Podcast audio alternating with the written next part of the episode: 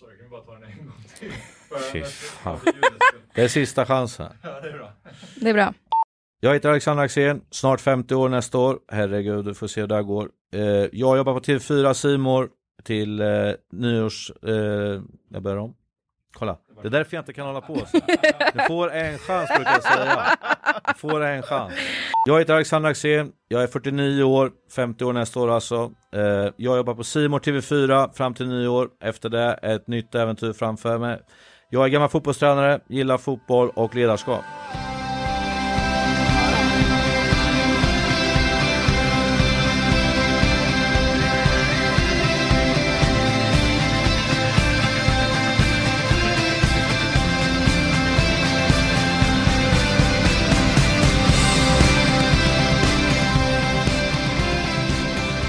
Säger hej och eh, varmt välkommen till FPS Podcast.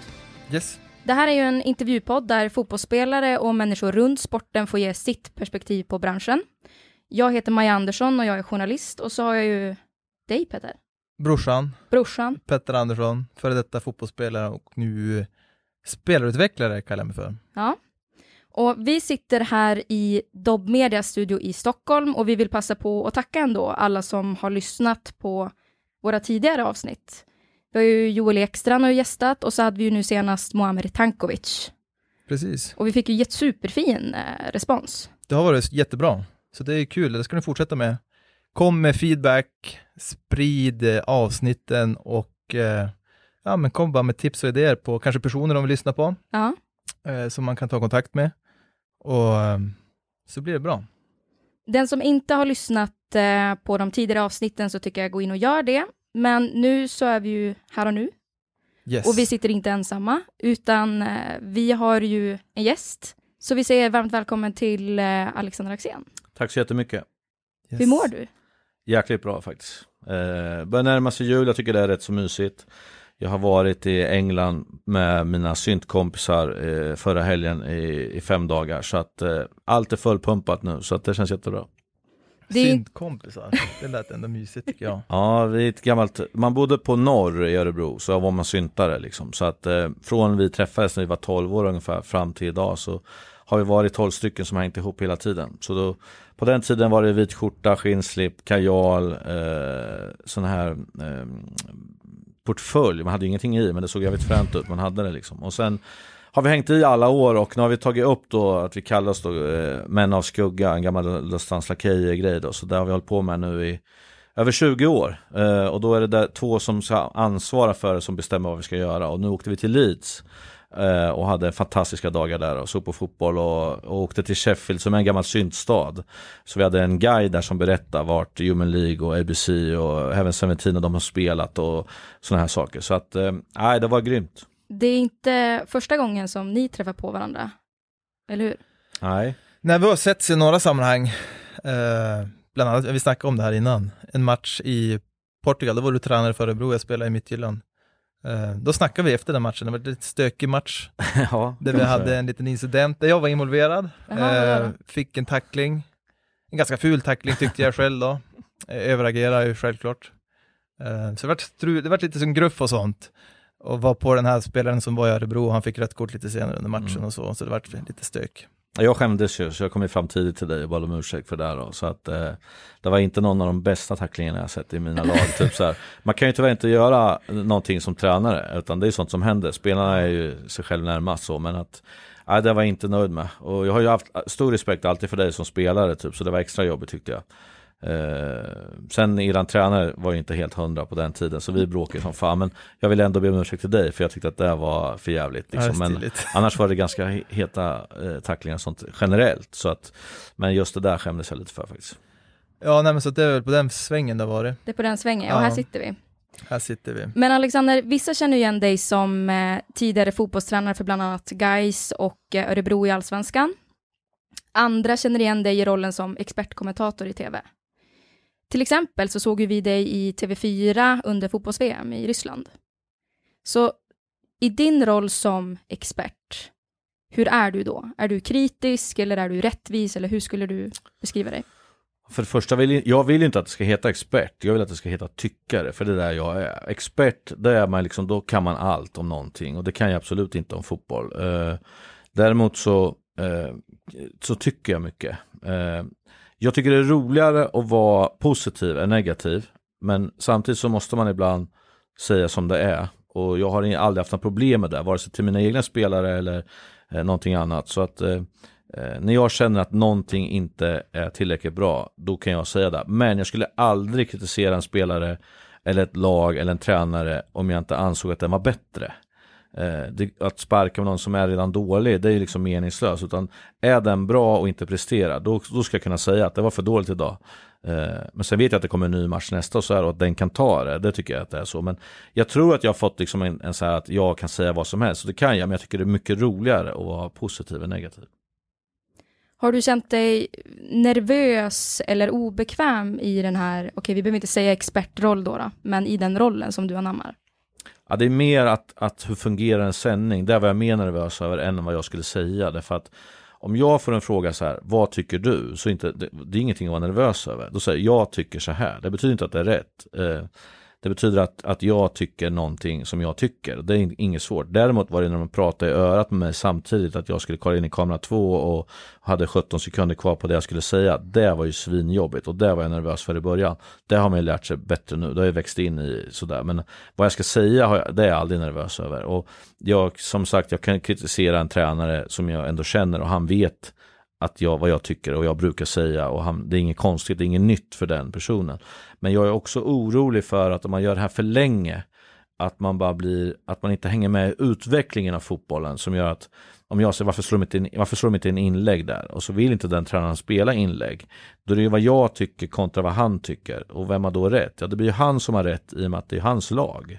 Men jag tycker att man ska göra så här. Det är jag lite orolig för att om det blir för länge Mm, att jag liksom för länge bara jobbar med mina saker. Jag måste också lära mig vad de är ute efter. Därför vill jag egentligen åka runt och träffa dem och få en liten inblick i hur vill de jobba, hur vill de göra. För då är det lättare för mig, då börjar jag närma mig expert. Om jag kan få lära mig vad de vill göra. Liksom. Men det tar sån jävla tid också att träffa alla.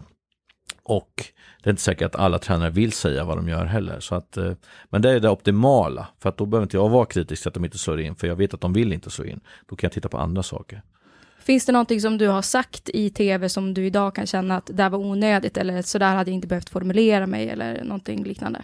Både och egentligen. Jag, jag slaktade ju Tankovic eh, när han kom till Hammarby en match borta mot Sundsvall när jag tyckte han var fullständigt oduglig. Eh, och körde i, i tv-tid är det här, alltså det, är timmar, man får en och en halv minut eh, och prata om en spelare. Normalt ligger man på 20-22 sekunder. Men jag kunde, inte, jag kunde inte hejda mig. Jag var så jävla arg på honom. För att jag, jag såg ju vilken bra spelare det här var. Men han, han gjorde ingenting. Han tog inte i. Han löpte ingen högassist, liksom löpning överhuvudtaget. Han fightades inte i närkamper. Han fick inte ut någonting. Och det gjorde mig jävligt upprörd. Eh, jag visste att han tjänade bra. Jag visste att han var en bra spelare. Så det gjorde mig förbannad. Samtidigt som liksom tänkte man så här, var det här rätt? Liksom? Tänk om inte han är bättre? Tänk om inte han eh, vill fotboll längre. Han har tappat självförtroende och liksom så här. Var det här verkligen rätt då? Så nästa dag fick jag 60 mejl från Hammarbyare och tänkte liksom att åh herregud. Liksom. Men det var bara sådana som sa det, du har helt rätt, han måste börja jobba och så här typ. Vad fick du för mejl då från Bajare? Ja, det var ju mest att de var, höll med mig faktiskt. Jag var orolig, alltså att nu kommer de sakta mig typ. Men de höll med mig. Eh, som sen gjorde att när eh, eh, Tankovic nästa år då från minut ett börjar leverera på den nivån som jag trodde att han hade blev jag skitglad ju. För, för liksom, då hade jag rätt i min analys. Typ.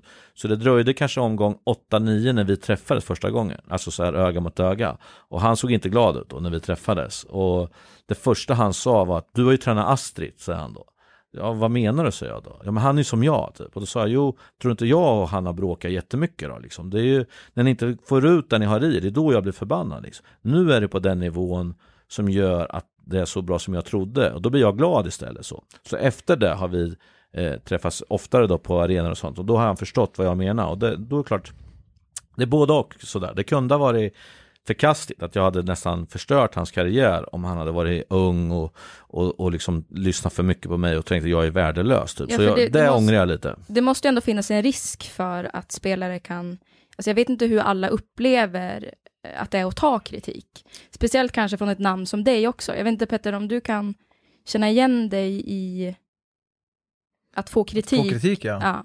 Ja men det är klart, alltså som, det är oundvikligt som spelare så är man ju i, i, som i, man är i fokus och är man framförallt en spelare som Tankovic tänker jag, som är ett namn i Sverige, kommer hem, haft en liten utlandssession liksom, kanske inte varit superlyckad, så får man ju, förväntningarna är väldigt höga och jag kan tänka mig att det är det din åsikt bottnar sig i, att, att man kanske har, man förväntar sig så mycket mer av, än det man liksom får se på planen.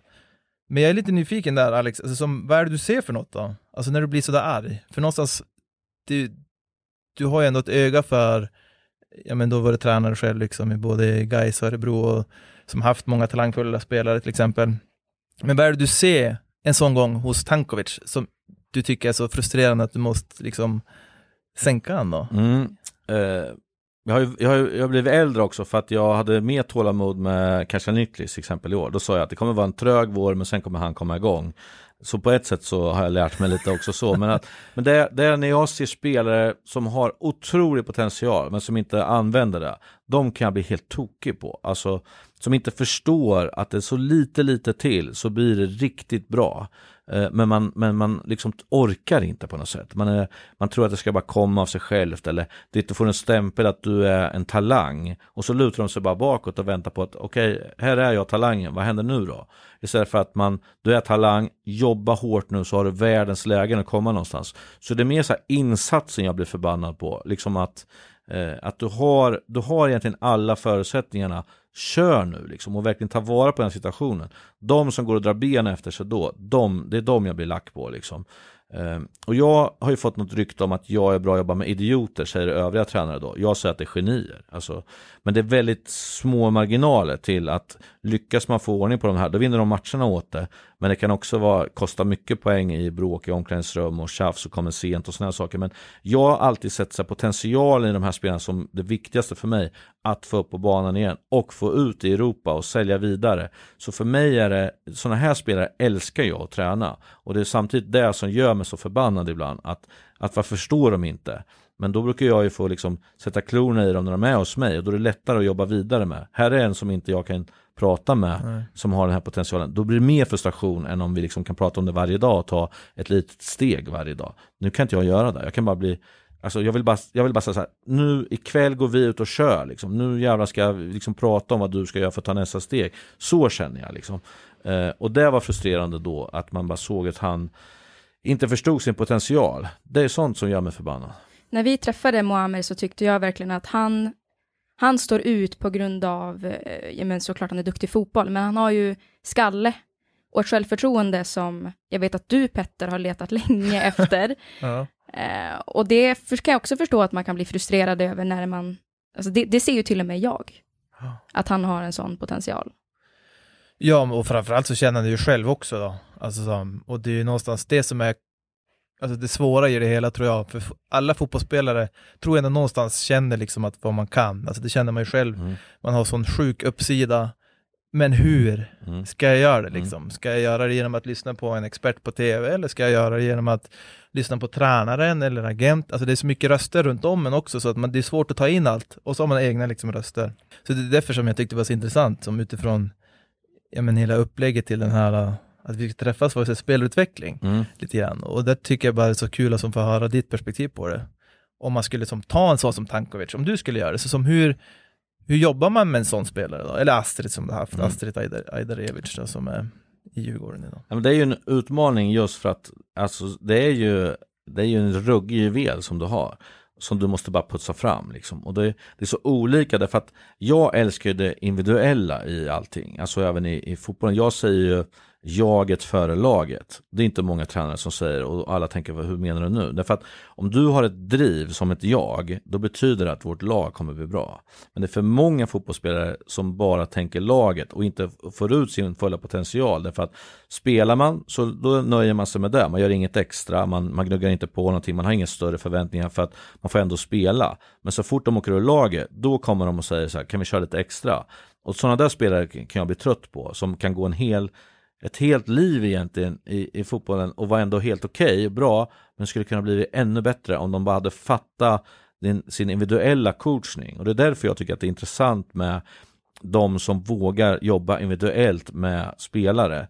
Därför att eh, om jag som tränare tänker att nu har vi fyra forwards, nu ska vi göra avslut, så blir det väldigt ofta samma sätt vi gör avslut. Det betyder att det kanske är en av de här fyra som får den typen av avslut som den kommer i, i lägen. Medan tre gör det bara för att det är lättast att göra en sån här övning. Medan jag valde då att plocka ut dem och så här, du kommer oftast i det här läget och så jobbar vi med avslut i den situationen. Nästa kommer i det här läget och så jobbar vi så.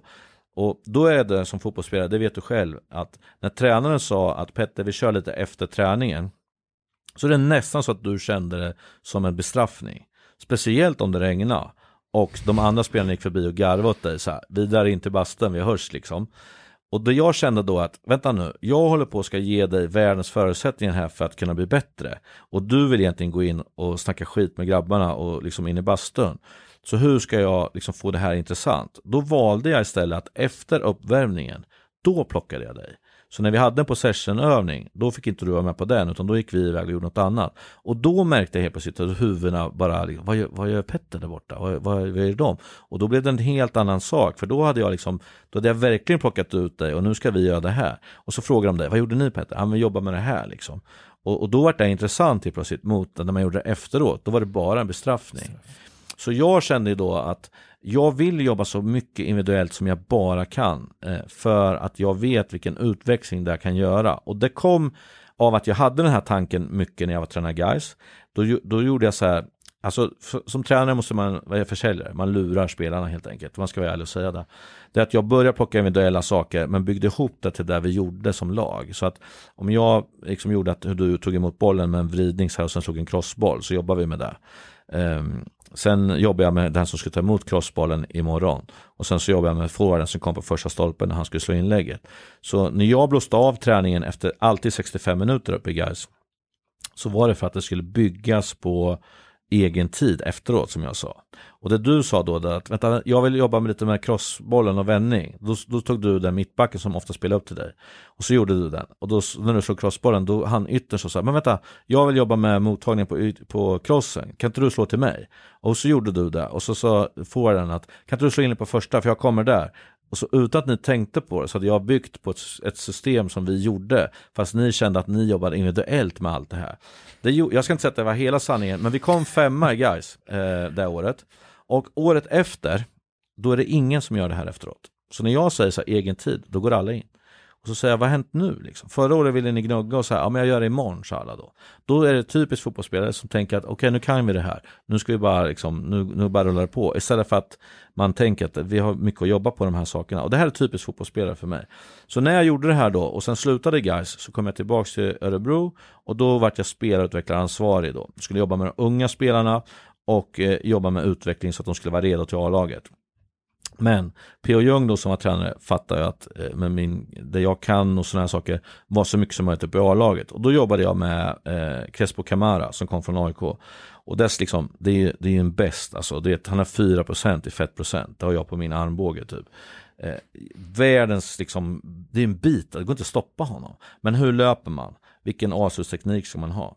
Så när jag började göra avslut med honom så märkte jag att liksom, det var bara kraft och det var ingen tanke överhuvudtaget. Så jag sa till honom, jag ska börja jobba med dig nu, vi ska se till att du blir en avslut, bra avslutare. Så jag började bakom mål och rulla bollarna fram tre meter, så skulle han sätta dem i, i själva eh, burgaven. Och han tyckte att jag förnedrade honom och sa liksom, nej men det gör jag inte. Typ. Och jag sa att om kan du göra tio gånger i rad, då kommer vi backa, men du ska göra tio gånger i rad. Och han sa, nej det är förnedrande, jag gör inte det här. Typ. Fast nu är jag din tränare, så nu måste vi liksom köra. Och han visste inte att jag hade varit tränare i Allsvenskan och så då. Så då började jag rulla, då satte han sju, sen sköt han i stolpen, så sa jag, då börjar vi om. Och då började han grå, grå, gråta på riktigt, alltså tårarna rann och tyckte att jag verkligen förnedrade honom.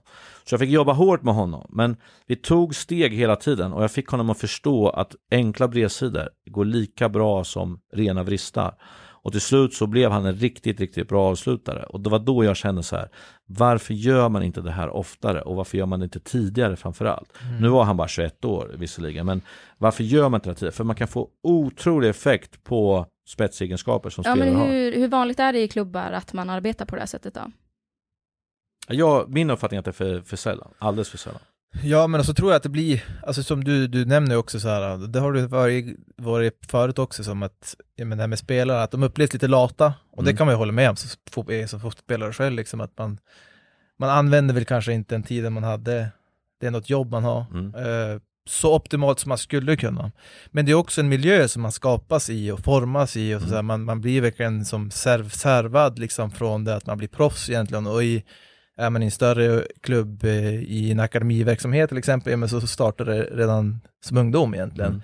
Att det förväntas saker av, man får saker gratis, man får skopkontrakt, man får alla grejer så här. Så är ju, man blir ju en produkt av en miljö.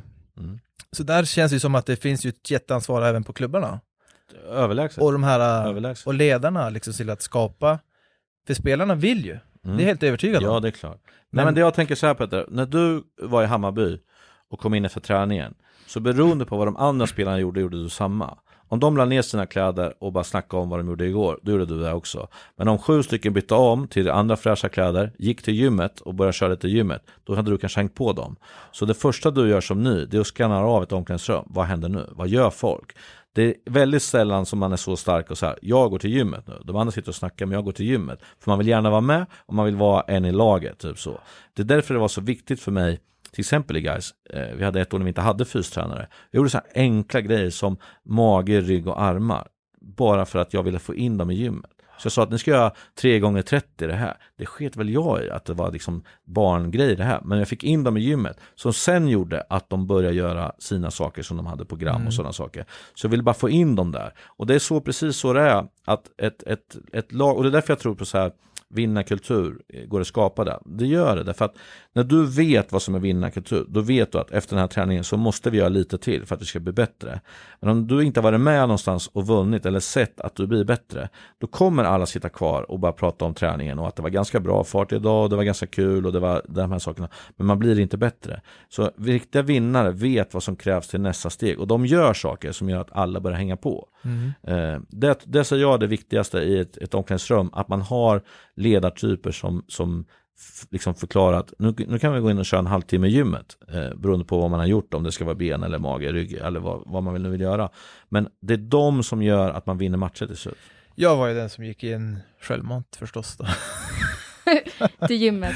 Nej men jag tror att jag alltid varit sån. Jag kommer från sko alltså från ljusvattnet, ja men vi är båda från ljusvattnet. Mm. Alltså där har man ju varit väldigt drivande i sin egen utveckling, Mm. alltså, som man har drivit på, om det så var det skidor eller hockey eller fotboll, så var det väldigt mycket egenansvar för att som Mm. får det till att ja, men bli någonting. Sen hade man stöttande föräldrar självklart, så här, men det, så att jag har varit väldigt mycket så, lärt mig väldigt mycket, tagit mycket inspiration av just de här personerna som du nämner då. Mm. De som är kanske trendsättarna i omklädningsrummet eller i klubben, Mm. som skapar den här kulturen. Mm.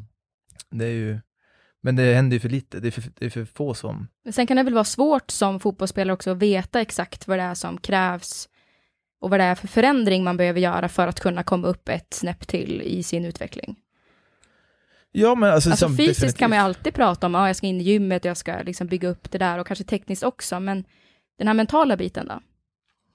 Problemet är ju som jag sa, man pratar för mycket lag hela tiden. Eh, Från du är liten så, så, så eh, pratar man lag. Gå på vilken ungdomsmatch som helst idag, så det är en sak som alla ropar hela tiden. Vad är det? I ungdomsfotboll, Ja, spring. passa bollen. Passa bollen. Och sen går man på gamla Söderstadion och vi ser dig dribbla och utmana. Du har inte gjort en dribbling hela ditt liv. Från att du var sju år får du höra passa bollen.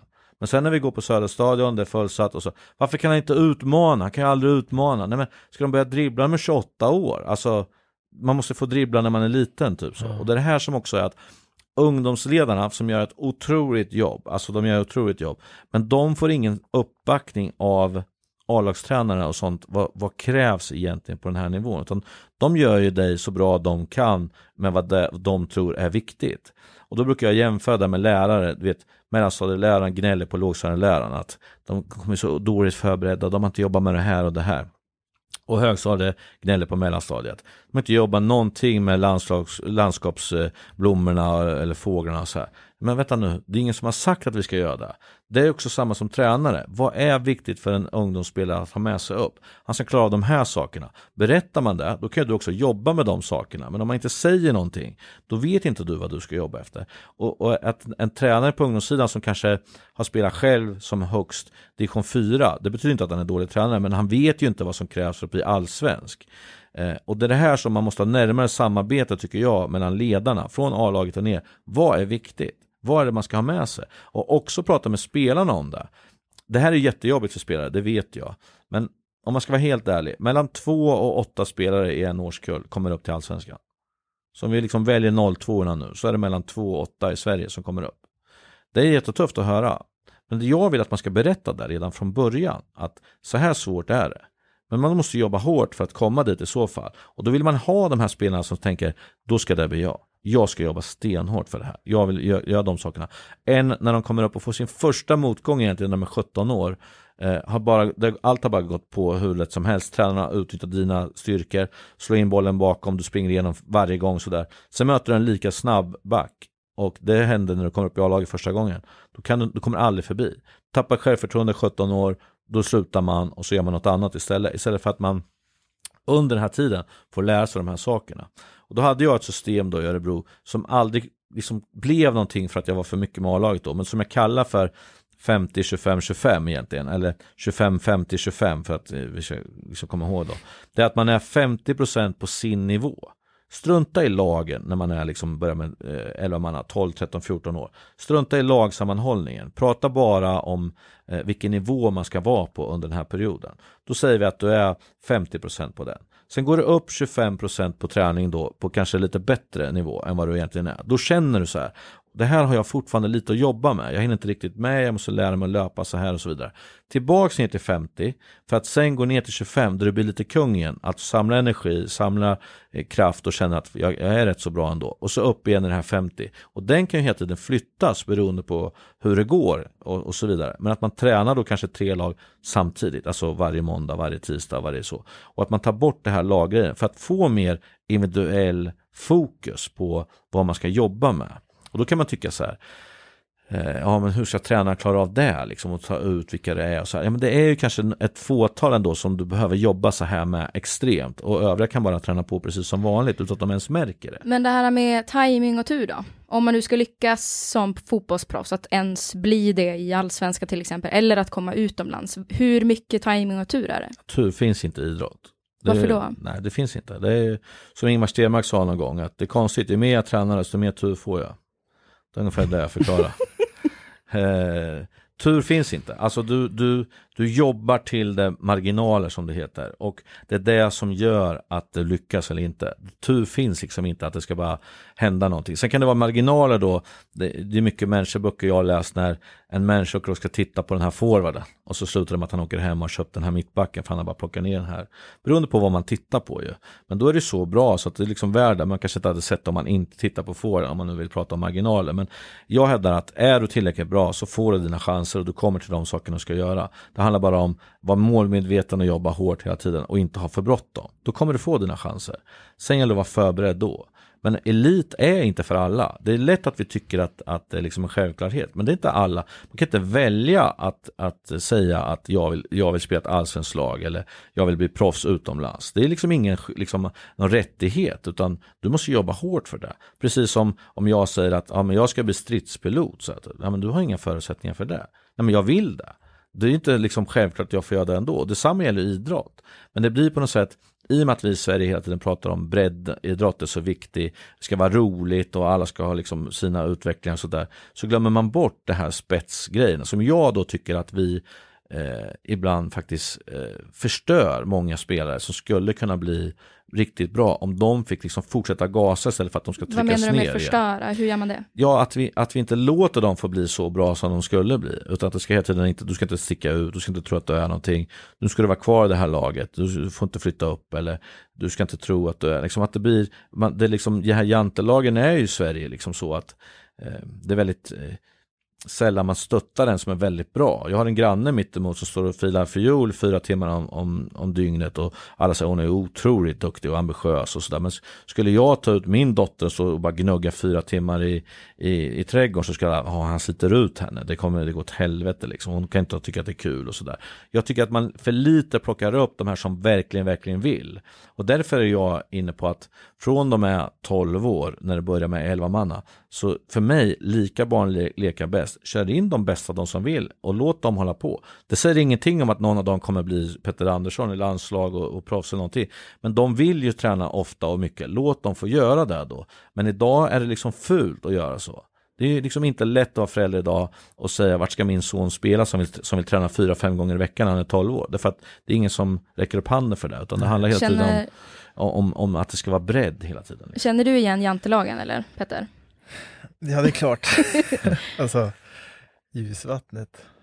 Nej, men alltså som det, så är det ju. Herregud. Det har jag fortfarande problem med. Alltså som att hävda sig, eller som, det känns oskönt att tycka bra om sig själv nästan. Alltså så här, att prata gott om sig själv, det, det faller inte naturligt. Och så tror jag det är för många. Och där sticker ju vissa andra ut då, åt andra hållet. Och det, det är ganska befriande att höra. Och därför jag tyckte det var väldigt inspirerande med, med Tankovic när han var liksom så här, men det, det är så självklart liksom vissa saker. Och som jag hade önskat att man också själv hade haft den självklarheten men när man var yngre, men det är klart då stöter man ju på andra delar då, alltså som om man då kommer i kontakt med, med ja, men så, som det jag upplevde, som en, om man tänker, om man utgår från jantelagen och de här bitarna, att man kanske inte ska få hävda sig så himla, men man ska vara lite mer ödmjuk, ta det lite lugnt, ska inte sticka ut för mycket, men då är det klart, då blir det en krasch. Mm. Och, där är ju, och det är väl där då, som du kanske syftar på, att det finns många av de här ja, men, diamanterna, alltså många sådana som kanske försvinner i det syftet då. Så är det ju. Sen, vi, vi har ju också en övertro på oss själva som tränare ibland, liksom att det är vi som, som är så jävla bra som gör att det blir bra. Och, och speciellt på ungdomssidan har det ju liksom att eh, vi ska ju berätta allting, så spontan fotbollen är ju helt död därför att de, de är liksom drillade nu att tre gånger i veckan ska ni komma hit, här får ni västarna.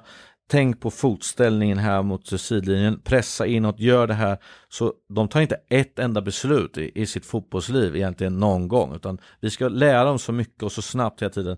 Från när jag var liten, när man liksom inte visste om var hon eller han med mig förra rasten, eller har vi bytt lag nu och den mössan och, och hur ska vi tänka och den han är jättebra, hur ska vi få stopp på honom typ. Och så fick vi ta de besluten. Idag är allting taget av, av tränarna för att tränarna vill väl, men det blir fel. Och därför blir det ingen spontanidrott idag, för idag, ungarna kan inte guld, silver, brons, de kan inte allsvenskan, rulla, skjut. För att det är ingen som har, om de inte har liksom fått gjort det på träningarna, då kan de inte det. Det var ju sånt vi lärde oss. Vi, vi är för få för att spela två mål. Okej, okay, då måste vi hitta på någon, någon ny grej. Och så gjorde man det, träna skott och sådana saker. Idag det är noll alltså. Det, varenda plan hemma som jag kommer i Örebro är helt tom efter klockan fyra. Ja men det är väl det vi var inne på tidigare, det här med att som, ja, men hur kan man få spelarna till att driva på sin egen utveckling själv? Det är rätt svårt när man när man formas så som man, som alltså, men, min son Henry, han är sju år, ska, han blir åtta år och ska börja i, i en akademiverksamhet från och med nästa år. Liksom, så här. Och där är det tre pass i veckan och det är väldigt så här, det är lite mer individuellt fokus redan, mm. märker jag ju, som, som mm. där går utvecklingen framåt. Men det är ändå, alltså så man blir ändå lite fascinerad över hur tidigt man försöker liksom forma dem till, alltså de blir ju en del av det här fotbollsindustrin mm. mm. redan här nere. Och som hur kan man ändå så få dem att ja, men, driva på sin egen utveckling och vara som drivande i det, för det är det som är hela nyckeln till att lyckas hålla ut. För det kommer ju liksom motgångar, det kommer att gå upp och ner, det kommer att vara ja, men, massa människor som tycker det ena eller det andra, och så här, ja, men, då måste man kunna hantera det. Vi har fått in några lyssnarfrågor via sociala medier, som är, den här är riktad till er båda egentligen.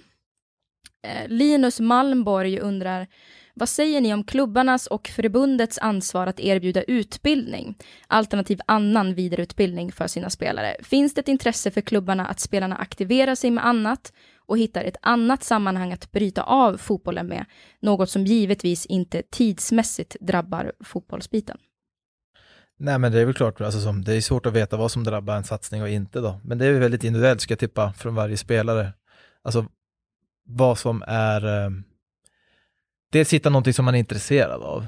Det tror jag nog är den första utmaningen. Sen tror jag att många skulle må väldigt bra av att göra någonting vid sidan av sin fotboll, bara för att få en avlastning från alla tankar som man har med sig från fotbollen. Det kan vara väldigt frustrerande att springa omkring kanske och inte, man får inte spela just nu eller man, man är frustrerad över att man inte presterar så som förväntas. Att då hitta ett annat format där man får tänka på andra saker för att som inte bara gå slösa bort all energi egentligen som man har.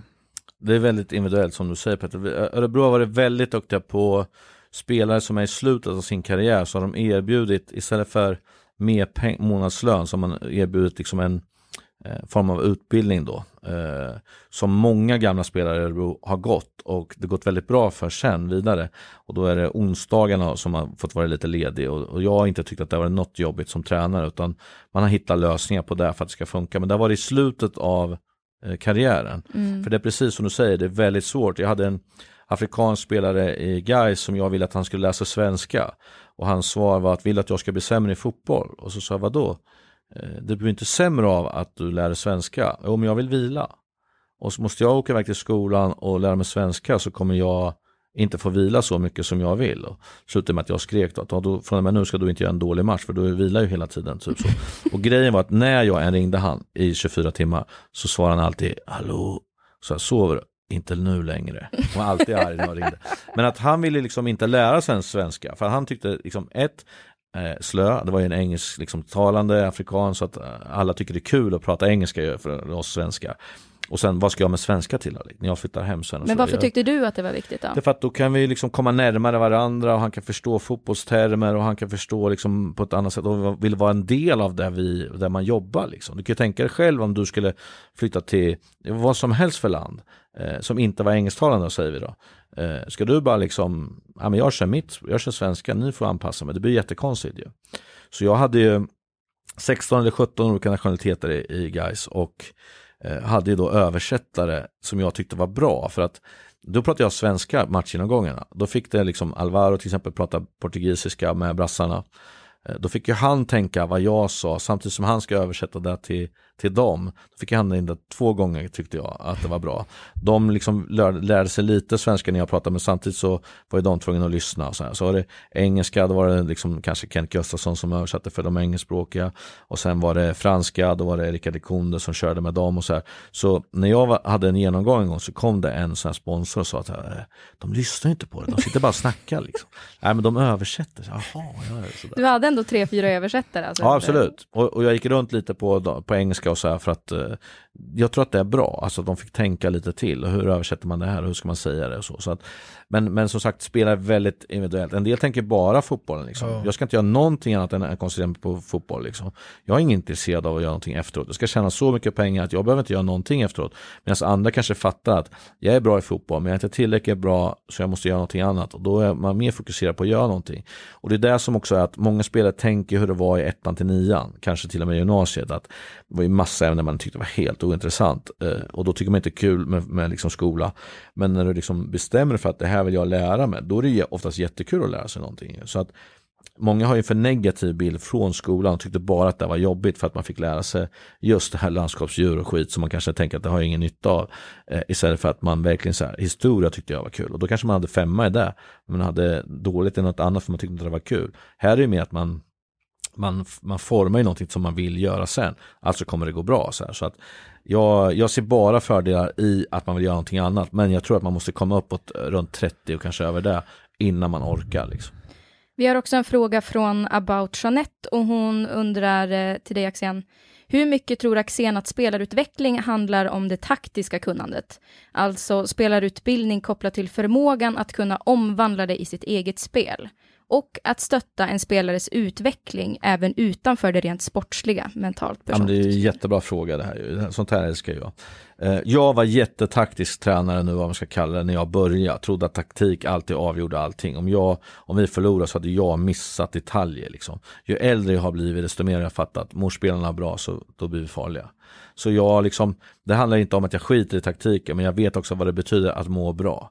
Jag vet eh, Eh, när, när vi kommer till en arena och mina spelare ler och tycker att det här ska bli skitkul, hur det tas emot av motståndarna. När de ser att här kommer ett lag som mår bra och som skrattar. Det finns inget farligare att möta sådana lag än när de kommer med jättelurar, tittar ner i backen med svarta sugrörsögon och går in. Då vet man, det här laget mår inte bra, det här laget har, har problem. Ehm, eh, så för mig har liksom eh, utvecklingen av människan är där alltid jag börjar med för att jag ska kunna hämta upp vart den är till fotbollsbiten sen. Istället för att jag gjorde tvärtom, kanske börja med fotbollsspelaren och sen försökte hitta människan. Det har jag lärt mig sista sju, åtta åren, att jag börjar alltid med människan. Eh, om, om vi får en öppning där, då är det jättelätt för mig att gå vidare i fotbollsmässiga. Så att det, allt är hur människan mår och vad den vill och så, för att lära känna det. Så jag är en sån här tränare som säkert är skitjobbig för vissa spelare för att jag har inte det här 15 minuters snacket innan säsongen, kanske på sommaren och efter säsongen, utan jag har varje dag lite och älskar att sitta i bastun med grabbarna just för att då kommer man åt dem på ett annat sätt och man kan prata om andra saker än bara fotboll. Och ibland vill man bara prata fotboll. Det beror på vem jag sitter med för att jag har lärt känna den personen. Jag kan också se på 100 meter hur mår den här personen idag? Ska jag skälla nu på träningen om han sparkar bort bollen eller ser jag att han mår egentligen inte bra idag? Då väntar jag. Ska jag prata med honom efter träningen eller ska jag vänta tills imorgon? Det är sådana saker är det som jag tror min styrka är. Att jag lärt känna människan så jag vet när, var och hur jag ska göra. Och en blick kan, kan betyda jättemycket till varandra. Att jag ser, okej okay, Petter, gå in då. Jag ser att du inte är här idag, gå in. Utan att det blir någon stor grej och sådär. Kontra att, eh, att vi inte har någon kontakt alls eller att man, många tränare är rädda för att ha närheten till spelarna. Jag är tvärtom. Jag vill bara vara tränare för att jag vill ha närheten till spelarna och se mänskliga utvecklingen och fotbollsmässiga utvecklingen. Det är därför jag vill vara tränare. Det är ju känsligt ändå kan jag tänka mig. Alltså för att det är ju, det är ju sådär. Man önskar ju att alla tränare hade den förmågan. Men många har ju inte utan det blir ju väldigt såhär, nej, det är det här som gäller. Och så som att man känner sig nästan, jag tror många spelare kan känna sig lite, att man blir, man blir lite kvävd, mm. låst liksom. Mm. Att man kan inte våga ha den öppna relationen, dialogen med en tränare som ändå är ens chef. Alltså som, hur har du, har du upplevt, alltså som någon gång att du har haft svårt med relationer med fotbollsspelare som i sin tur påverkar liksom en spelares prestation eller får inte ut sin potential liksom. Mm, jag har haft ganska tur där och säga att jag, jag kan inte säga att jag lyckas med alla långt ifrån, det är inte så jag menar, men det är bara en spelare jag aldrig kom riktigt under skinnet och det var jättefrustrerande, för det var också en bra spelare, men han var mycket skadad. Men han kom jag aldrig riktigt under liksom så här. men annars har det ju så här, det tar ju lite olika tid. Uh, utländska spelare, jag är väldigt ironisk liksom. Och det tar ju tid för en utländsk spelare att förstå ironin. Om, om du skjuter 20 meter över och jag säger bra skott. Då kanske han undrar sig, vad fan är det här för tränare? Typ. Eller att jag går fram och kramar mycket. Alltså jag vill vara liksom nära så här, läget, hur mår det? Också utländska spelare, jättekonstiga med, obekväma med eh, de sakerna. Men till slut så har vi liksom brutit de här grejerna och då har det blivit ganska bra. Och jag, jag vill ju vara en farsa åt dem och på det sättet menar jag att ni vet själva hur era farsa var. Liksom, ni skulle komma hem nio, men alla andra fick komma hem tio. Men han sa, det är nio som gäller. Det var inte så att ni älskade din, er pappa då, men nu fattar ni vad, vad, liksom vad de menar. Och så vill jag vara som tränare.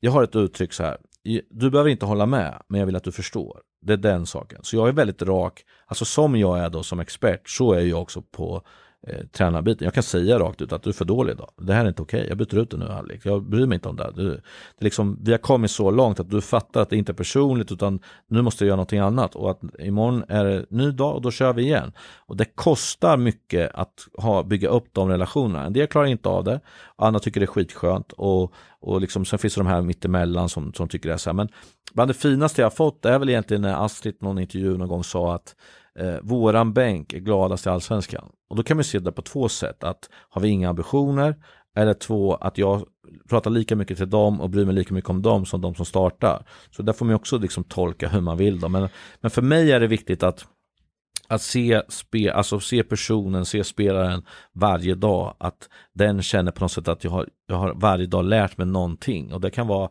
mer om människan än i spelet ibland. Men att man Men alltid du cyklar ifrån träningen känner att fan, jag lärde mig något idag. Liksom. Är det inte viktigt att lyssna på spelare också? Jag vet inte hur, hur upplever du den dialogen? Att, okay, men jag vet att du Petter kan ju säkert ha sagt ifrån någon gång, alltså att man har en dialog med en tränare där man liksom sätter ner foten. Hur upplever du som tränare det? För att det måste också finnas ett ömsesidigt förståelse någonstans. Ja men annars är det ju ingen dialog, då är det en monolog och det är jag inte ett dugg intresserad av. Och det har ju blivit så att ju mer vi lär känna varandra, desto mer vet du vad du kan säga och vi får igång en diskussion. Eh, eller vart gränsen går för att eh, du kanske ska sälja idag men imorgon ska vi ta det igen eller så vidare. För det kan vara hur man mår också. Men jag vill inte ha välkammade spelare som sitter i ett omklädningsrum och säger ja till mig hela tiden. Jag vill att det ska vara lite energi och, och att man brakar ihop ibland. Det ser jag bara som positivt. Och jag brukar säga att Eh, innan två riktiga slagsmål på en träning, då är vi inget lag. Alltså, det, jag dömer fel med flit ibland för att skynda på den här processen. Eh, för att jag vet att då kan vi börja jobba. Alltså det är då det kan bli någonting. Det här man säger högt i tak, det är ju så slitet uttryck så det finns inte. För en del kan det betyda att jag slår en crossboll till dig Petter, du släpper ut den mellan, eh, under foten och då skriker jag fan skärp till det. Är det högt i tak? Alltså för mig, vad fan är det? Alltså just den här grejen med att medvetet döma inte döma frispark i smålagsspel och sånt, alltså det upplevde jag i Danmark bland annat. Alltså det är det mest störande som finns. När man börjar känna själv som spelare att du nu är han bara ute för att provocera. Ja. Och du går på det varje gång. alltid med att man, går, man attackerar någon annan i motståndarlaget. Det går inte att attackera tränaren liksom som bara står där och gottar sig liksom i sin plan. Nej men så är det och det, det är där jag menar att man kan provocera fram de här sakerna gör att också att du får en utveckling. Första gången sparkar du bort bollen, sen kanske du sparkar ner en spelare, sen kanske jag så här, men tredje gången då har du kommit på mig, då ler du bara tillbaka. Och då har du fått en utveckling helt plötsligt av någonting, vilket jag Eller provocerar fram. Ja, men då är det så. Då är det så. Då har vi lite att jobba med. Alltså, då säger jag gå och hämta bollen. Och då säger du att eh, men vi spelar nu. Ja, men då får ditt lag vara en man mindre för nu ska du hämta bollen som du sköt bort. Och då vet du nästa gång, fan jag kan inte sparka bort bollen för då är jag taskig så här. Så det är en utveckling samtidigt hela tiden. Men jag har ju också tränat lag som jag blivit tokig på när jag har sagt att det är rött inkast. Och då säger du, nej det är gult. Det var jag som hade ut den. Jag kan bli tokig på sånt. Nu tar du inkast och kastar. Och då tar du bollen och kastar till dem. Då blåser jag bara av så är det bara löpning resten. Alltså jag blir tokig på sådana saker. För det blir ju fel ibland. Och det är bara att nu måste vi köra, vi ska få vinnare liksom på allting sånt där. Då kan man inte ha att man tycker lite synd om det andra laget och sådär. För då kan du inte komma vidare. Så det är alltid en så här balansgång mellan allting. Men men jag hade ju två stycken i guys som så fort det var dålig fart på träningen, då körde jag alltid fyra mot fyra och de två mot varandra. Och sen bara small det och det var västar som gick sönder och bollar åkte iväg och allting. Och så var träningen igång. Och varje gång efter ett tag så sa de, hur kan vi gå på det här varje gång? Alltså så. För det, det var liksom mitt sätt att få igång träningen och sätta ihop de två sådär. Så att... Kan du känna igen dig Petter i... ja gud, men det är de roligaste träningarna är ju när det blir de här eh, ganska intensivt smålagsspel, fyra mot fyra. Eh, men det oftast båda, eller tränarna står liksom och bara ta så konstiga beslut så man blir så otroligt frustrerad. Man vill vinna matchen och så gör de medvetet bara straff till andra laget ungefär så här när det inte kan vara straff. Och så blir man, ja men det triggas, man triggas mm. igång men så kunde mycket. du förstå varför? Ja, sista åren i, i Midtjylland så förstod jag ju. Och det gjorde att jag vart ännu mer irriterad av det, för att, ja men, man förstod ju syftet. Eh, men det är ju, eh, det är väldigt kul i varje fall. Framförallt så här efterhand. Så, så det är väldigt utvecklande. Men jag har en, jag har en sak jag skulle vilja undra. Mm. Eller vill jag undra, som jag undrar. Uh, du sa alltså, som att till exempel att byta ut en spelare i paus, men det, det finns ju som inget, du gillar ju relationen med spelare och sådana saker. Men fotboll idag är väldigt mycket business då. Mm. Alltså som hur är man ställd som tränare där, i det perspektivet, business liksom, som en, man har en arbetsgivare liksom i en klubb, som, och så ska man som leverera ett resultat, alltså i, spelarna känner väl också av det här, Alltså som, hur, hur upplever man det som, och hur ser man på det som från tränarhåll liksom? Vad är, vad är prestation? Är det att vinna matcherna eller är det spelarutveckling eller så här, ja. Det, det, är det här som är egentligen det svåra när man blir anställd som tränare. För att då kan det vara så här, hej vi heter det här, vi vill att du ska spela in våra unga spelare och, och utveckla spelarna. Ja men bra säger jag då. Vad händer om vi ligger sist efter 15 omgångar? Men det kan vi inte göra. Vi ska ju helst ligga topp 6. Fast jag skulle spela in de unga nu som är helt oerfarna och så vidare. Då kan, jag kan inte ha två uppgifter, antingen det ena eller det andra. Och här är ju klubbledningen väldigt dåliga generellt säger jag. Jag brukar säga att de som bestämmer mest vet minst. Därför att de, de säger fina saker men de vet inte vad det innebär. Så säger jag så här, jag tar ett lag, ska köra unga, fjärde omgången ingen vinst. Då säger jag så här, Nej, men om jag får köra mina, det bästa laget nu, då kommer vi börja vinna. Ja, men gör det då, säger de då. Då händer det liksom den här saken vi pratade om innan är helt borta. Nu handlar det bara om att vinna helt plötsligt. Och så vinner vi och så här, ja, då går det här unga försvinner ju bara. Eh, det finns ju ett allsvenskt lag nu som har bara börjat prata om att de ska bara vinna från att de skulle spela in massa unga.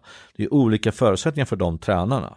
Eh, detsamma gäller ju då Eh, min, för min uppgift är det viktigt så här, vad är det jag ska göra? Vad är det jag ska leverera för någonting? Om det är tre poängare, då måste det bli på mitt sätt som jag tror att det blir tre poängare. Om det är utveckling, då måste det bli så här, men då måste jag få den här tiden. Om det är eh, stabilisera någonting, ja då är det det här som gäller. Alltså, man måste göra klart de sakerna. Och där är vi ju alldeles för dåliga, säger jag, alltså klubblinjerna i Sverige. Vad är egentligen din uppgift? För den kommer att ändras. Jag som tränare har ju bara en uppgift, det är att vinna nästa match. Det spelar ingen roll om jag vunnit tio matcher idag eller förlorat tio. Den elfte matchen ska jag vinna. Så då är det bara, hur gör man det? Alltså hur vinner man matcher? Och, och, här har jag ju också gått från det här romantiska dravlet som jag säger till att jag blivit mer cynisk och försöka liksom vad, hur vinner man en fotbollsmatch i allsvenskan om jag är i allsvenskan? Hur vinner man en fotbollsmatch i Norge om man är i Norge, tippeligan? Hur vinner man om man är i Championship? Det är ju olika sätt eh, hur man vinner matcher.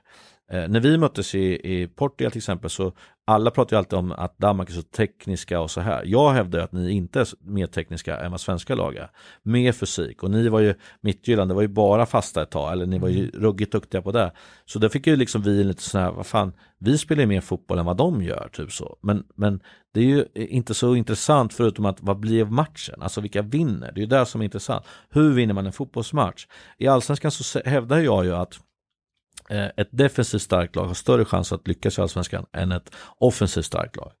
Uh, och då kan man säga att ja, men Hammarby i år, ja men de gjorde jättebra, men de släppte in lite för mycket mål till slut. Om man slår ut på 30 matcher, sista 15 de är ju riktigt jävla bra. Man släpper in för mycket på våren och det är tyvärr så att man räknar en serie efter 30 omgångar, så det är det som är.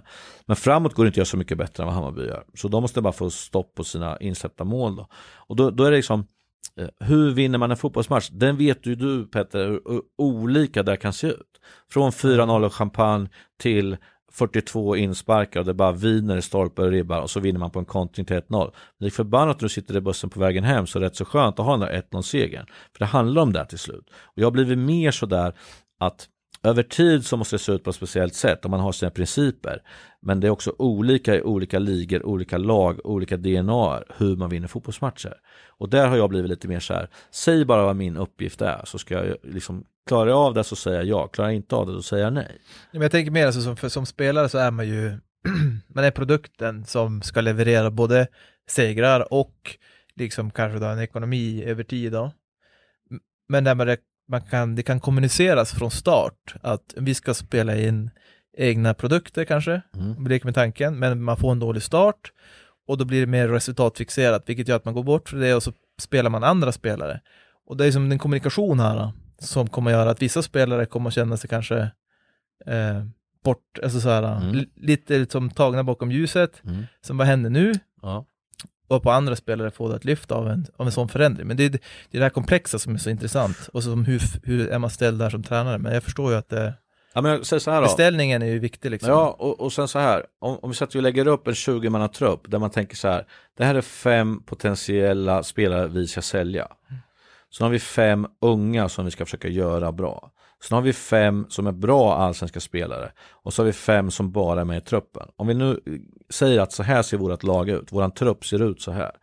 Då vet ju vi det, liksom tränarna och så här, att så här ser det ut. Men det är väldigt sällan man säger det till spelarna. Jag skulle vilja att man kunde säga det till spelarna med och säga att du är en truppspelare, som vi kommer, jag kommer behöva dig kanske var tredje, var fjärde match. Jag tror att ju mer tydlig man kan vara med en sån sak, desto mer effekt kommer du få. Därför att då förstår man. Men vad är man rädd för tror du? Alltså varför säger man det? Att du ger upp liksom. Att du tänker att vad då ska jag inte få spela mer än var tredje, var fjärde match. Då, då kan jag lika gärna skita i det här. Då vill jag gå någon annanstans. För det blir mycket eh, eh, egenföretagare i fotboll idag. Alltså varumärket och det är tatueringar överallt och det är liksom, man, jag är fördomsfull nu men alltså, jag bara menar att det, liksom varumärket Petter Andersson är viktigare än att, vart du spelar.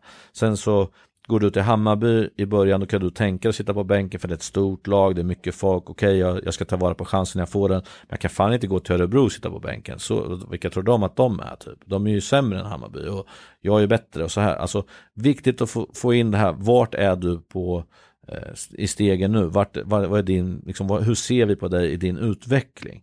Det, det, jag tror att man är lite för dålig generellt på att säga det rakt ut. Och det här kommer återigen av att man inte har blivit coachad från man är liten. För att då skulle man ta det. Och man tar ju väldigt personligt, om jag byter ut dig i halvlek så tar du det väldigt personligt. Men grejen är att jag kanske ska eh, ändra spelsystem eller eh, det, jag fick inte ut det, det du har, var inte det jag vill ha i andra halvlek. Jag vill ha en stor, eh, tung jävel där uppe som ska vinna nickdueller för vi ska börja köra diagonaler. Då, är, då handlar inte det om, om dig, alltså, då känner du direkt så här, men det kan inte jag göra. Nej, alltså måste du gå ut och så kommer en annan in. Men som fotbollsspelare tar man ju väldigt mycket personligt allting. Och jag försöker alltid förklara för spelarna att, att ett pussel jag lägger inför varje match, hur tänker jag att vi ska spela? Och sen spelar det ingen roll att din, din bit är jättefin, men den passar inte in i den här pusslet just nu. Därför väljer jag ett annat. Och jag vill att du, liksom, ni ska tänka mer eh, på att egenskaperna, för att fotboll är väldigt, väldigt subjektivt. Om jag säger att jag vill ha en liten kvick, eh, bra på skott och som dribblar och bra fart, ja men då är du Petter liksom. Du sitter och ler nu. Men om jag säger så här, jag vill ha en stor tung jävel som liksom bara bryter ner bollar, ja då är inte det du. Och då betyder ju det att, att det spelar ingen roll egentligen vad du gör. För jag vill inte ha den typen. Så subjektivt är ju fotboll. Det är ju det, är ju det här som är så jobbigt för en spelare. Då får du sitta och hoppas att jag får sparken så någon annan jävel kommer in och vill ha din typ. Ja. Alternativt jobba hårt och se om du får chansen, hur, hur, vad kan du göra åt det? Men det är, det är så här fotboll är. Men många spelare tänker att du gillar inte mig. Han har bara han andra favoriter och han vill ha, jo men det är klart att man har favoriter. På tal om det där, ja. att det är att eh, spelare kan ta det ganska personligt, så eh, hade vi en fråga från Darry 782 eh, som är riktad till dig också Axén, om det skurit sig helt mellan tränaren och spelaren, kanske en konflikt, att man känner sig, ja. Hur kan man tänka och göra som spelare i den situationen? Tränaren har alltid sista ordet. Hur kan man då göra eller tänka för att ta tag i det? Ja, om man alltså, nu tar det personligt. Ja, och det gör man ju såklart. Om det, speciellt om jag säger Petter, jag kommer aldrig spela det. Spelar ingen roll om jag får tio skador, jag kommer aldrig spela det. Då är det en jobbig situation. Alltså så är det ju. Men då finns ju två sätt för spelaren. Antingen ger han mig rätt, slutar träna, går runt och är dålig. Då betyder det att jag får rätt ju. Ja? Och att du är inte är förberedd så att ett annat lag, när de ska ta det, så är inte du förberedd. Två är ju att, okej okay, jag är chanslös här, men jag ska fan vara bäst på varje träning. Jag ska göra så alla andra ser att jag jobbar hårt, jag ska vara glad, jag ska sprida energi och alla ska frågasätta han, idioten som säger att inte jag ska spela. Det kan jag göra på två sätt och det är jättelätt när vi sitter här i balans och, och liksom, vadå, då väljer man ju tvåan såklart. Så. Men när man är i det, då kan det vara skitjobbigt. Så att jag har liksom haft spelare som innan nästa jag kom i in från träningen så är de på väg ut och smäller i dörrar och liksom sticker hem. Då har jag sagt det, jag bryr mig inte ett skit om ni smäller i dörrar och åker hem. Jag bryr mig ingenting om det. Det är vad ni gör på planen som är viktigt. Och har man så mycket energi efter en träning att du kan smälla i dörrar och dra hem och visa att jag är dum i huvudet, då måste du kunna göra bättre på träningen. Och så liksom, då brukar de sluta slå i dörrar och så brukar de börja fundera, vad kan jag göra åt det här egentligen? Men vissa saker kan man inte göra åt. Som jag säger, om jag vill ha en stor stark, vad, vad, vad ska du... Ja, det, ja, exakt. så, så, det är ju liksom, det är det som är det svåra. Men då försöker man, får man försöka hitta en lösning. att Kanske är bättre att du går någon annanstans eller liksom så. För att det, det här är ju svårt. Det där säger med det här med olika typer av tränare, olika typer av tänk. Eh, eh, så, så man får inte ta det personligt. Det är bara att en tränare gillar en annan typ av spelare. Och då får man hoppas att någon annan gillar det du har och så får man köra vidare därifrån. Men Petter, du, en, du jobbar ju med fotbollsspelare som jag vet ändå har pratat med dig om att det kan vara svårt att vända sig till tränaren och ta tag i saker och prata ut om frustrationer eller så. Jag vet inte, hur har du själv upplevt det och vad kan du säga till sådana spelare? Ja, men alltså, jag tror att i grunden så ska man väl alltid utgå från att alltså, allting man gör som spelare, man är ett, litet, man är ett eget företag, man är ett, ett som jag-centrerat, för det är, alltså, idag är fotboll business. Alltså folk vill tjäna pengar på dig, du vill också, alltså som agenters roll, klubbarna, alltså som spelarna är produkterna eller vill se en utveckling på. Och spelaren själv vill också utvecklas, liksom för att få en bättre karriär och som tar sig upp och tjäna pengar, vad den mål, målsättningen är. Allt man gör eller inte gör ligger ju på en själv. Liksom. Det är upp till mig, mig liksom att driva min karriär så långt som jag vill. Om jag vill bli sur och ledsen för att, som Alexander i det här fallet, inte gillar mig, ja men så kan jag ju då som han sa, liksom antingen välja att bara tycka att han är en idiot och skiter i liksom och bara har det skönt och tjäna pengar, ha en lön liksom i sex månader till och så hoppas att det dyker upp något annat. Eller så försöker man ändå som använda alla dagar till att lära sig, till att utvecklas, till att motbevisa, alltså så här, att man använder det som en slags drivkraft och det är väl kanske det man saknar, att det är för lätt att gå den här nummer ett då, mm. för att det krävs för mycket jobb kanske och kanske krävs någon slags hjälp också för att som, komma till insikt och förstå att ja, men det, det kanske sitter hos mig ändå. Men det är ju det är sådana saker som man verkligen har fått upp, uppleva när man har börjat jobba med det man gör nu då. Alltså som att och se vilken effekt det kan ha när spelarna verkligen som tar till sig det och jobbar mm. medvetet och alltså så här, kontinuerligt över en längre period på att verkligen utvecklas, både som människa, eller framförallt som människa, men också som spelare. Och det kan ju vara en svaghet som en spelare har. Men om, Axén, om du får ansaka dig själv som tränare, mm. vad är dina svagheter? Det är många såklart. Uh, men ett är ju att man inte är tillräckligt tydlig ändå. Även om jag tycker att jag är ganska tydlig. Jag sitter och gnäller på styrelser i olika lag. Men det är förmodligen att du kan hitta spelare som säger att jag inte har varit riktigt tydlig heller. Fast jag tycker att jag har varit supertydlig. Det är också saker som när man tänker mycket eh, på en sak. Så då är jag extra tydlig tycker jag att, men jag har ju sagt till dig, ja, fast det var ju ett halvår sedan och fem minuter, fast jag tänker ju varje gång att ja, nu gör han sådär fel igen. Liksom, så jag, jag kan inte prata med honom. Jag har sagt till honom tusen gånger att inte springa diagonalt. Men om han fortsätter springa diagonalt, då har jag sagt det för lite. Så där måste jag också gå in till sig att eh, som ledare, det är mitt ansvar att du inte springer diagonalt om jag irriterar mig på det. Då, då måste jag tjata, tjata, tjata och inte tycka att det, jag ger upp nu, jag skiter i han. Därför att då kommer han ju fortsätta göra diagonalt och fortsätta irritera mig och, sådana, och då tar det energi. Så att var extra tydlig med det man vill och, och som jag säger, man lyckas inte med alla. Men som jag sa, mitt uttryck att du behöver inte hålla med, men jag vill att du förstår. Det är där jag tänker i varje situation till varje spelare. Eh, och sen också att man kan eh, liksom om vi brakar ihop en halvtid eller om jag byter ut dig i halvlek och så, att man verkligen visar att det var då, nu är det nya tag och så, så att man känner att man börjar om på noll hela tiden så att man inte tror att tränaren är tjurig och så, och så växer man ifrån varandra för att jag blir tjurig för att du är tjurig och sen börjar du sluta träna. Och så, då blir liksom, utan att man verkligen säger det är okej okay att ha en dålig dag, det är okej okay att vi brakar ihop, men vi börjar om på nytt när vi träffas igen och då kör vi. Det, det kostar mycket på och jag, jag måste säga att jag har nog slutat och drivit träningar mer och mer ju äldre jag blivit för att det tar så mycket energi, det här mötet hela tiden och prata så mycket så skulle jag också driva träningen, då skulle jag inte orka.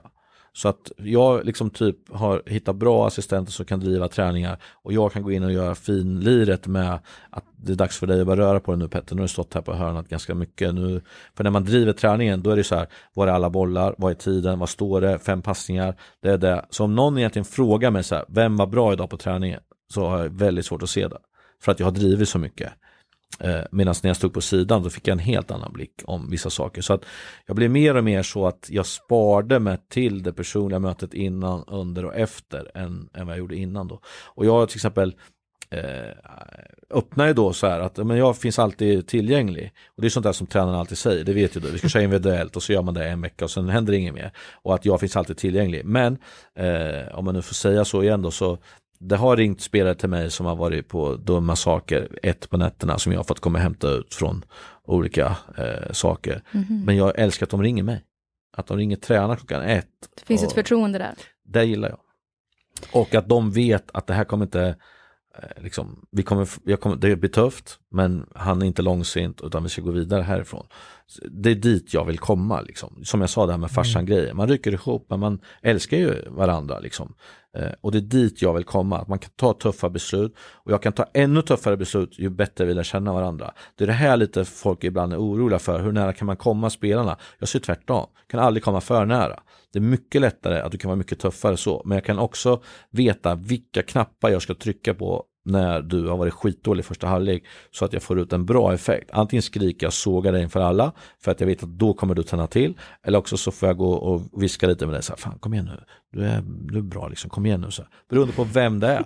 Så det där måste man lära känna och det där är ju liksom ett, bara det är ju ett heltidsjobb. Alltså ja. hur man ska tackla olika kulturer, olika spelare, olika, eh, liksom, ska man vara hård nu eller inte. Ibland, du vet, då, då bara brann det till i mig och så kommer jag inte ihåg hur jag skulle vara mot Petter i det här läget. Då kunde jag bara göra en kullerbytta på sidan. Så, så alla bara, vad fan hände där ute nu?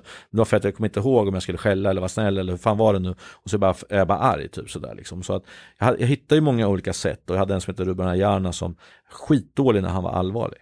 Så jag försökte hela tiden få honom att skratta, vet, när det var, bollen gick ut så tittade jag på honom så här och då var, kunde han vara helt allvarlig. Ja, då kunde jag börja peta näsan så här, så då började han garva liksom. För att jag ville få honom att han, ja ah, just det, jag ska vara Men du menar alltså att du gjorde en kullerbytta på sidan av? Ja, för att jag kunde liksom inte få fram hur jag skulle vara, men jag måste snabbt ut någonting. Och, och så här, liksom hitta de här grejerna till spelarna. Att när jag börjar peta näsan och han tittar ut, då fattar ju han så här, ja ah, vänta nu, nu är, jag, nu är jag för allvarlig, nu måste jag börja le igen. Och då blev han bättre, då slappnade han av och sådär. Så att det gällde att hitta rätt balans på de här sakerna. Liksom. Såklart. Liksom. Eh, och, och det, det är som sagt, det tar tid. Ni hör själva, det tar jävla tid. Och efter träningar ibland, då kunde det stå fyra, fem stycken efteråt och ville snacka. Och, och liksom, då finns det inte att jag säger så här, jag har inte tid. Utan det har hänt många gånger att jag fick ringa till dagis och säga att eh, det blir en timme till. Liksom. Och som tur var var de guys här i Göteborg och Örebro gick det ganska bra också på de här sakerna. Men, men att jag kan inte när jag har byggt upp det här så kan jag inte säga nej. Det går inte, utan då måste jag köra hela vägen. Och alltså kan de ringa mig ett, därför att jag har sagt det. Då är det det som gäller. Men Petter, du var ju inne lite grann eh, tidigare, det här om att fotboll har blivit ganska mycket business. Mm. Och Axén, som tränare, hur involverad är man i beslut och så här, rekrytering av spelare och så? Betydligt mindre än vad folk tror, så kan jag säga. Sen så är det olika eh, i olika klubbar fungerar det olika bra, så kan man säga. Alltså, man har en sportchef och det, liksom, då förväntar man att sportchefen och tränaren har ett jättebra dialog och att man snackar rätt saker, att jag vill ha den här typen och så kommer det inte en annan typ och sådana saker. Och vissa saker funkar inte alls. Och på vissa grejer så är det sportchefen som sköter allt och bara, här, de här fem är här nu, kör. Och så, det beror på vad man vill också som tränare så. Eh, man har ekonomi och, och, och att liksom ta hänsyn till också. Eh, men om man ska vara ärlig så eh, i de lagarna som jag har varit så har spelarna varit aktier egentligen. Jag ska se till att deras värde ökar. Vi ska sälja dem för att kunna ta nästa steg hela tiden. Och det är väl lite därför jag har eh, tagit paus nu som tränare för att jag var rätt trött på det där. Jag, jag sålde för 58 miljoner ungefär i Gais och köpte för 4. Jag sålde för 22 ungefär i ÖSK och köpte för 1. Jag förväntas hela tiden ta fram nya under de här stenarna som vi ska sälja igen. Men jag får aldrig chansen att köpa så bra som vi säljer. Och efter ett tag så blir det rätt tröttsamt och du vet hur lite det skiljer från succé till fiasko hela tiden. Och alla liksom säger alltid att mina lag att vi är så bra på hösten alltid. Jo men då har jag fått in de här spelarna som jag egentligen ville ha på våren som jag inte kunde köpa in då. Så min specialitet var ju till exempel att, att jag alltid gick till avbytarna på våren och sa, fan kan du inte få spela, du är hur bra som helst. Liksom. Kommer det till mig då, då får du starta varje match. Och så. så la alltid ett frö liksom, för att när jag ringde på sommaren sen så fanns det en chans. typ så. De hade aldrig kommit i mars. För då ville de vara i Hammarby, Djurgården och överallt var de var. Men på sommaren om jag hade gjort allting rätt, då finns det en, en möjlighet. Då. Så att eh, beroende på var du är i, i allsvenskan och vilken typ av förening så är spelarna dina aktier och eh, klubbarna är intresserade av att aktierna eh, stiger i värde och när de är tillräckligt bra för att sälja, då säljer man dem. Och sen ska man gå vidare. Så det är liksom inte svårare än så, Nej. när man har en viss typ av lag. Men det här med statistik då, hur mycket använder du det, eller som tränare då? Ja, hur mycket som helst, jag är för mycket känslomänniska. Alltså, Vad är det då för typ av statistik som du tittar på? Ja, liksom, det beror ju naturligtvis på, för att statistik är lite som, man kan ju plocka ut det gottaste om det är så. Alltså hade vi en negativ period så, så tog jag fram bra statistik. Att titta här, vi kommer till de här avsluten, vi, vi gör de här sakerna rätt. Då är det liksom lättare att och liksom lura dem att titta här, det, det, vi gör bättre saker än vad vi tror. Typ så. Går det väldigt bra så kan man titta ja, över tid nu om vi fortsätter med de här negativa statistiken vi har då kommer vi förlora så vi måste lyfta de här sakerna och sånt. Så, så, så mycket som möjligt bort från känslor brukar jag säga utan det faktiska är det som gäller. Eh, Kanske... Men kan det vara, är det bra eller kan det också på något sätt ses som ganska skadligt att utgå bara från statistik? Det beror på, det är som vanligt, det är 22 man som sitter där och någon tycker det är skitbra, någon tycker det är skitdåligt, någon lyssnar inte, någon lyssnar jättemycket. Det är min sak att sälja in det här så på så bra sätt som möjligt. Eh, men om jag säger så här, Åh, eh, jag har ett, ett skräckexempel i Örebro när vi förlorade med 2-1 mot Halmstad hemma. De har eh, fem skott mot mål, två på mål och gör 2-1 i 94. Eh, och alla säger att det är den sämsta matchen ÖSK har spelat genom alla tider. Och, och, när jag kommer hem och tittar så gör vi ganska mycket bra saker, men vi förlorar ju naturligtvis. Två veckor senare möter vi AIK hemma och vinner med 4-2. Eh, de har 28 avslut, varav 18 är på mål. Eh, det är klart att, att om man går på känslor då så, man så här, går man in och skäller efter Halmstadsmatchen att fan vad dåliga ni är och vad håller vi på med? Och AIK kommer in och säger allt är så jävla bra, 4-2 mot AIK, vi är hur bra som helst. Men spelar du de här matcherna tio gånger då blir det helt andra resultat. Så för mig är det viktigt när jag träffar dem eh, dagen efter eller två dagar efter att förmedla hur det egentligen var den här matchen och hur ska vi gå vidare. Alltså det vill säga prestationen är mer statistiskt byggd kanske? Ja, så är det ju. För att man över tid ska kunna se att vart är vi på väg och vad är det vi utvecklar. Om jag, det är också så här, om jag har blivit bättre på att man tar ner till kanske tre, tre offensiva grejer, tre defensiva grejer som vi jobbar efter. Då är det ju de vi ska prata om, inte Eh, de andra sakerna som händer. Du vet ju själv när du kommer in i paus ibland, om vi nu säger att Ja, Petter styr till den mittbacken och sen sätter vi pressen där och när vi kontrar så går vi ut diagonalt därifrån. Så vi jobbar hela veckan på det. Och det första jag säger eh, på eh, liksom halvtid är att varför går du inte djupled Petter? Och då blir det så här, vänta nu, när då och vad hände? Och, men det här andra vi har pratat om, det försvann bara för då har jag en massa känslor på att att vad fan, du måste gå mer i djupled, det finns ju jättehål där borta och så här, och du blir helt så här, vad händer? För det har vi inte pratat om på det här sättet. Och jag tycker att, men vadå, du kan ju fotboll, du vet väl att du ska gå bakom om det Alltså det här har man gått på för många gånger som tränare, att man börjar prata om andra saker än vad vi egentligen pratar om. Utvärderingen måste ju bli, hur funkar pressen där uppe Peter? Vad tycker du? Eh, funkar det eller inte?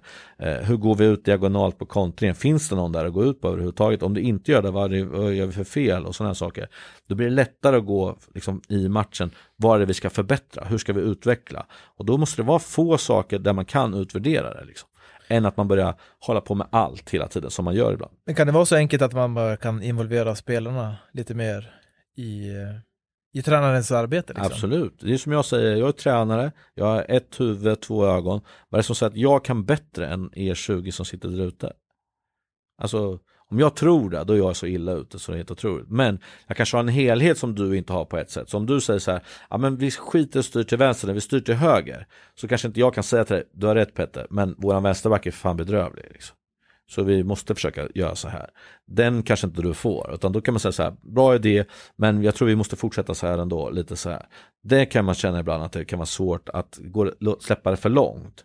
Och när jag hade Nordin Gerzik och Astrid och de här, du vet, och jag pratade om lite snabbare fotboll, vi ska spela genom, genom, liksom, genom lagdelarna, genom deras press, vi ska inte spela bollen tillbaka, utan vi ska alltid gå framåt när vi kan. Så fattar jag ju också ibland att, ja men här tog det stopp nu, nu måste vi börja om. Men jag visste att om jag säger det till de två så kommer de tycka att ja, men nu är det den perioden. Så vill de spela tillbaka igen och vara lite sköna och ha bollinnehav och så här.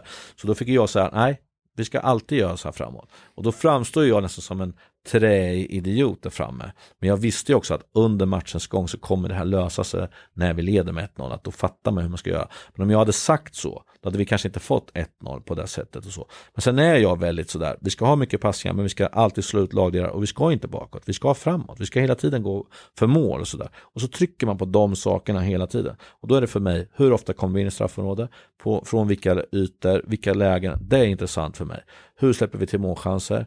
Vi vet vart de gör mål, hur försvarar vi det, hur är vi på vissa saker. Alltså bara sådana enkla saker, men jobba med det varje dag. Prata om det varje dag. Det är för mig ett sätt att utveckla spelet. Liksom. Om vi kollar lite framåt, så eh, till säsongen 2020, vi har ju varit inne på det här tidigare, ehm, så flyttar ju sändningarna av Allsvenskan vidare från Simor till Discovery. Och i början på hösten så lät det nästan på dig som att du ville att du var lite klar med tv-rollen och att du snarare skulle vilja komma tillbaka till fotbollen på ett eller annat sätt. Det blev ju inte så, utan du flyttar ju med rättigheterna till Discovery, mm. om jag mm. förstått det rätt. När kommer det här ut? Äh, det är vad som finns på... Ja, exakt. Jo, det är spekulationer om det, så det kanske blir så. Okej, okay, ja. det är inte spikat än. Ja, vi får se hur det blir. Men hur ser du på, är du färdig med tränarbiten eller? Man kan väl säga så här, om jag skulle fortsätta med tv-jobbet i två år till till exempel. Så efter det kommer nog beslutet. Ska jag jobba vidare med tv, då kanske det är så att det är slut som tränare. Alternativ två är ju att det är min sista chans att fortsätta jobba. Då.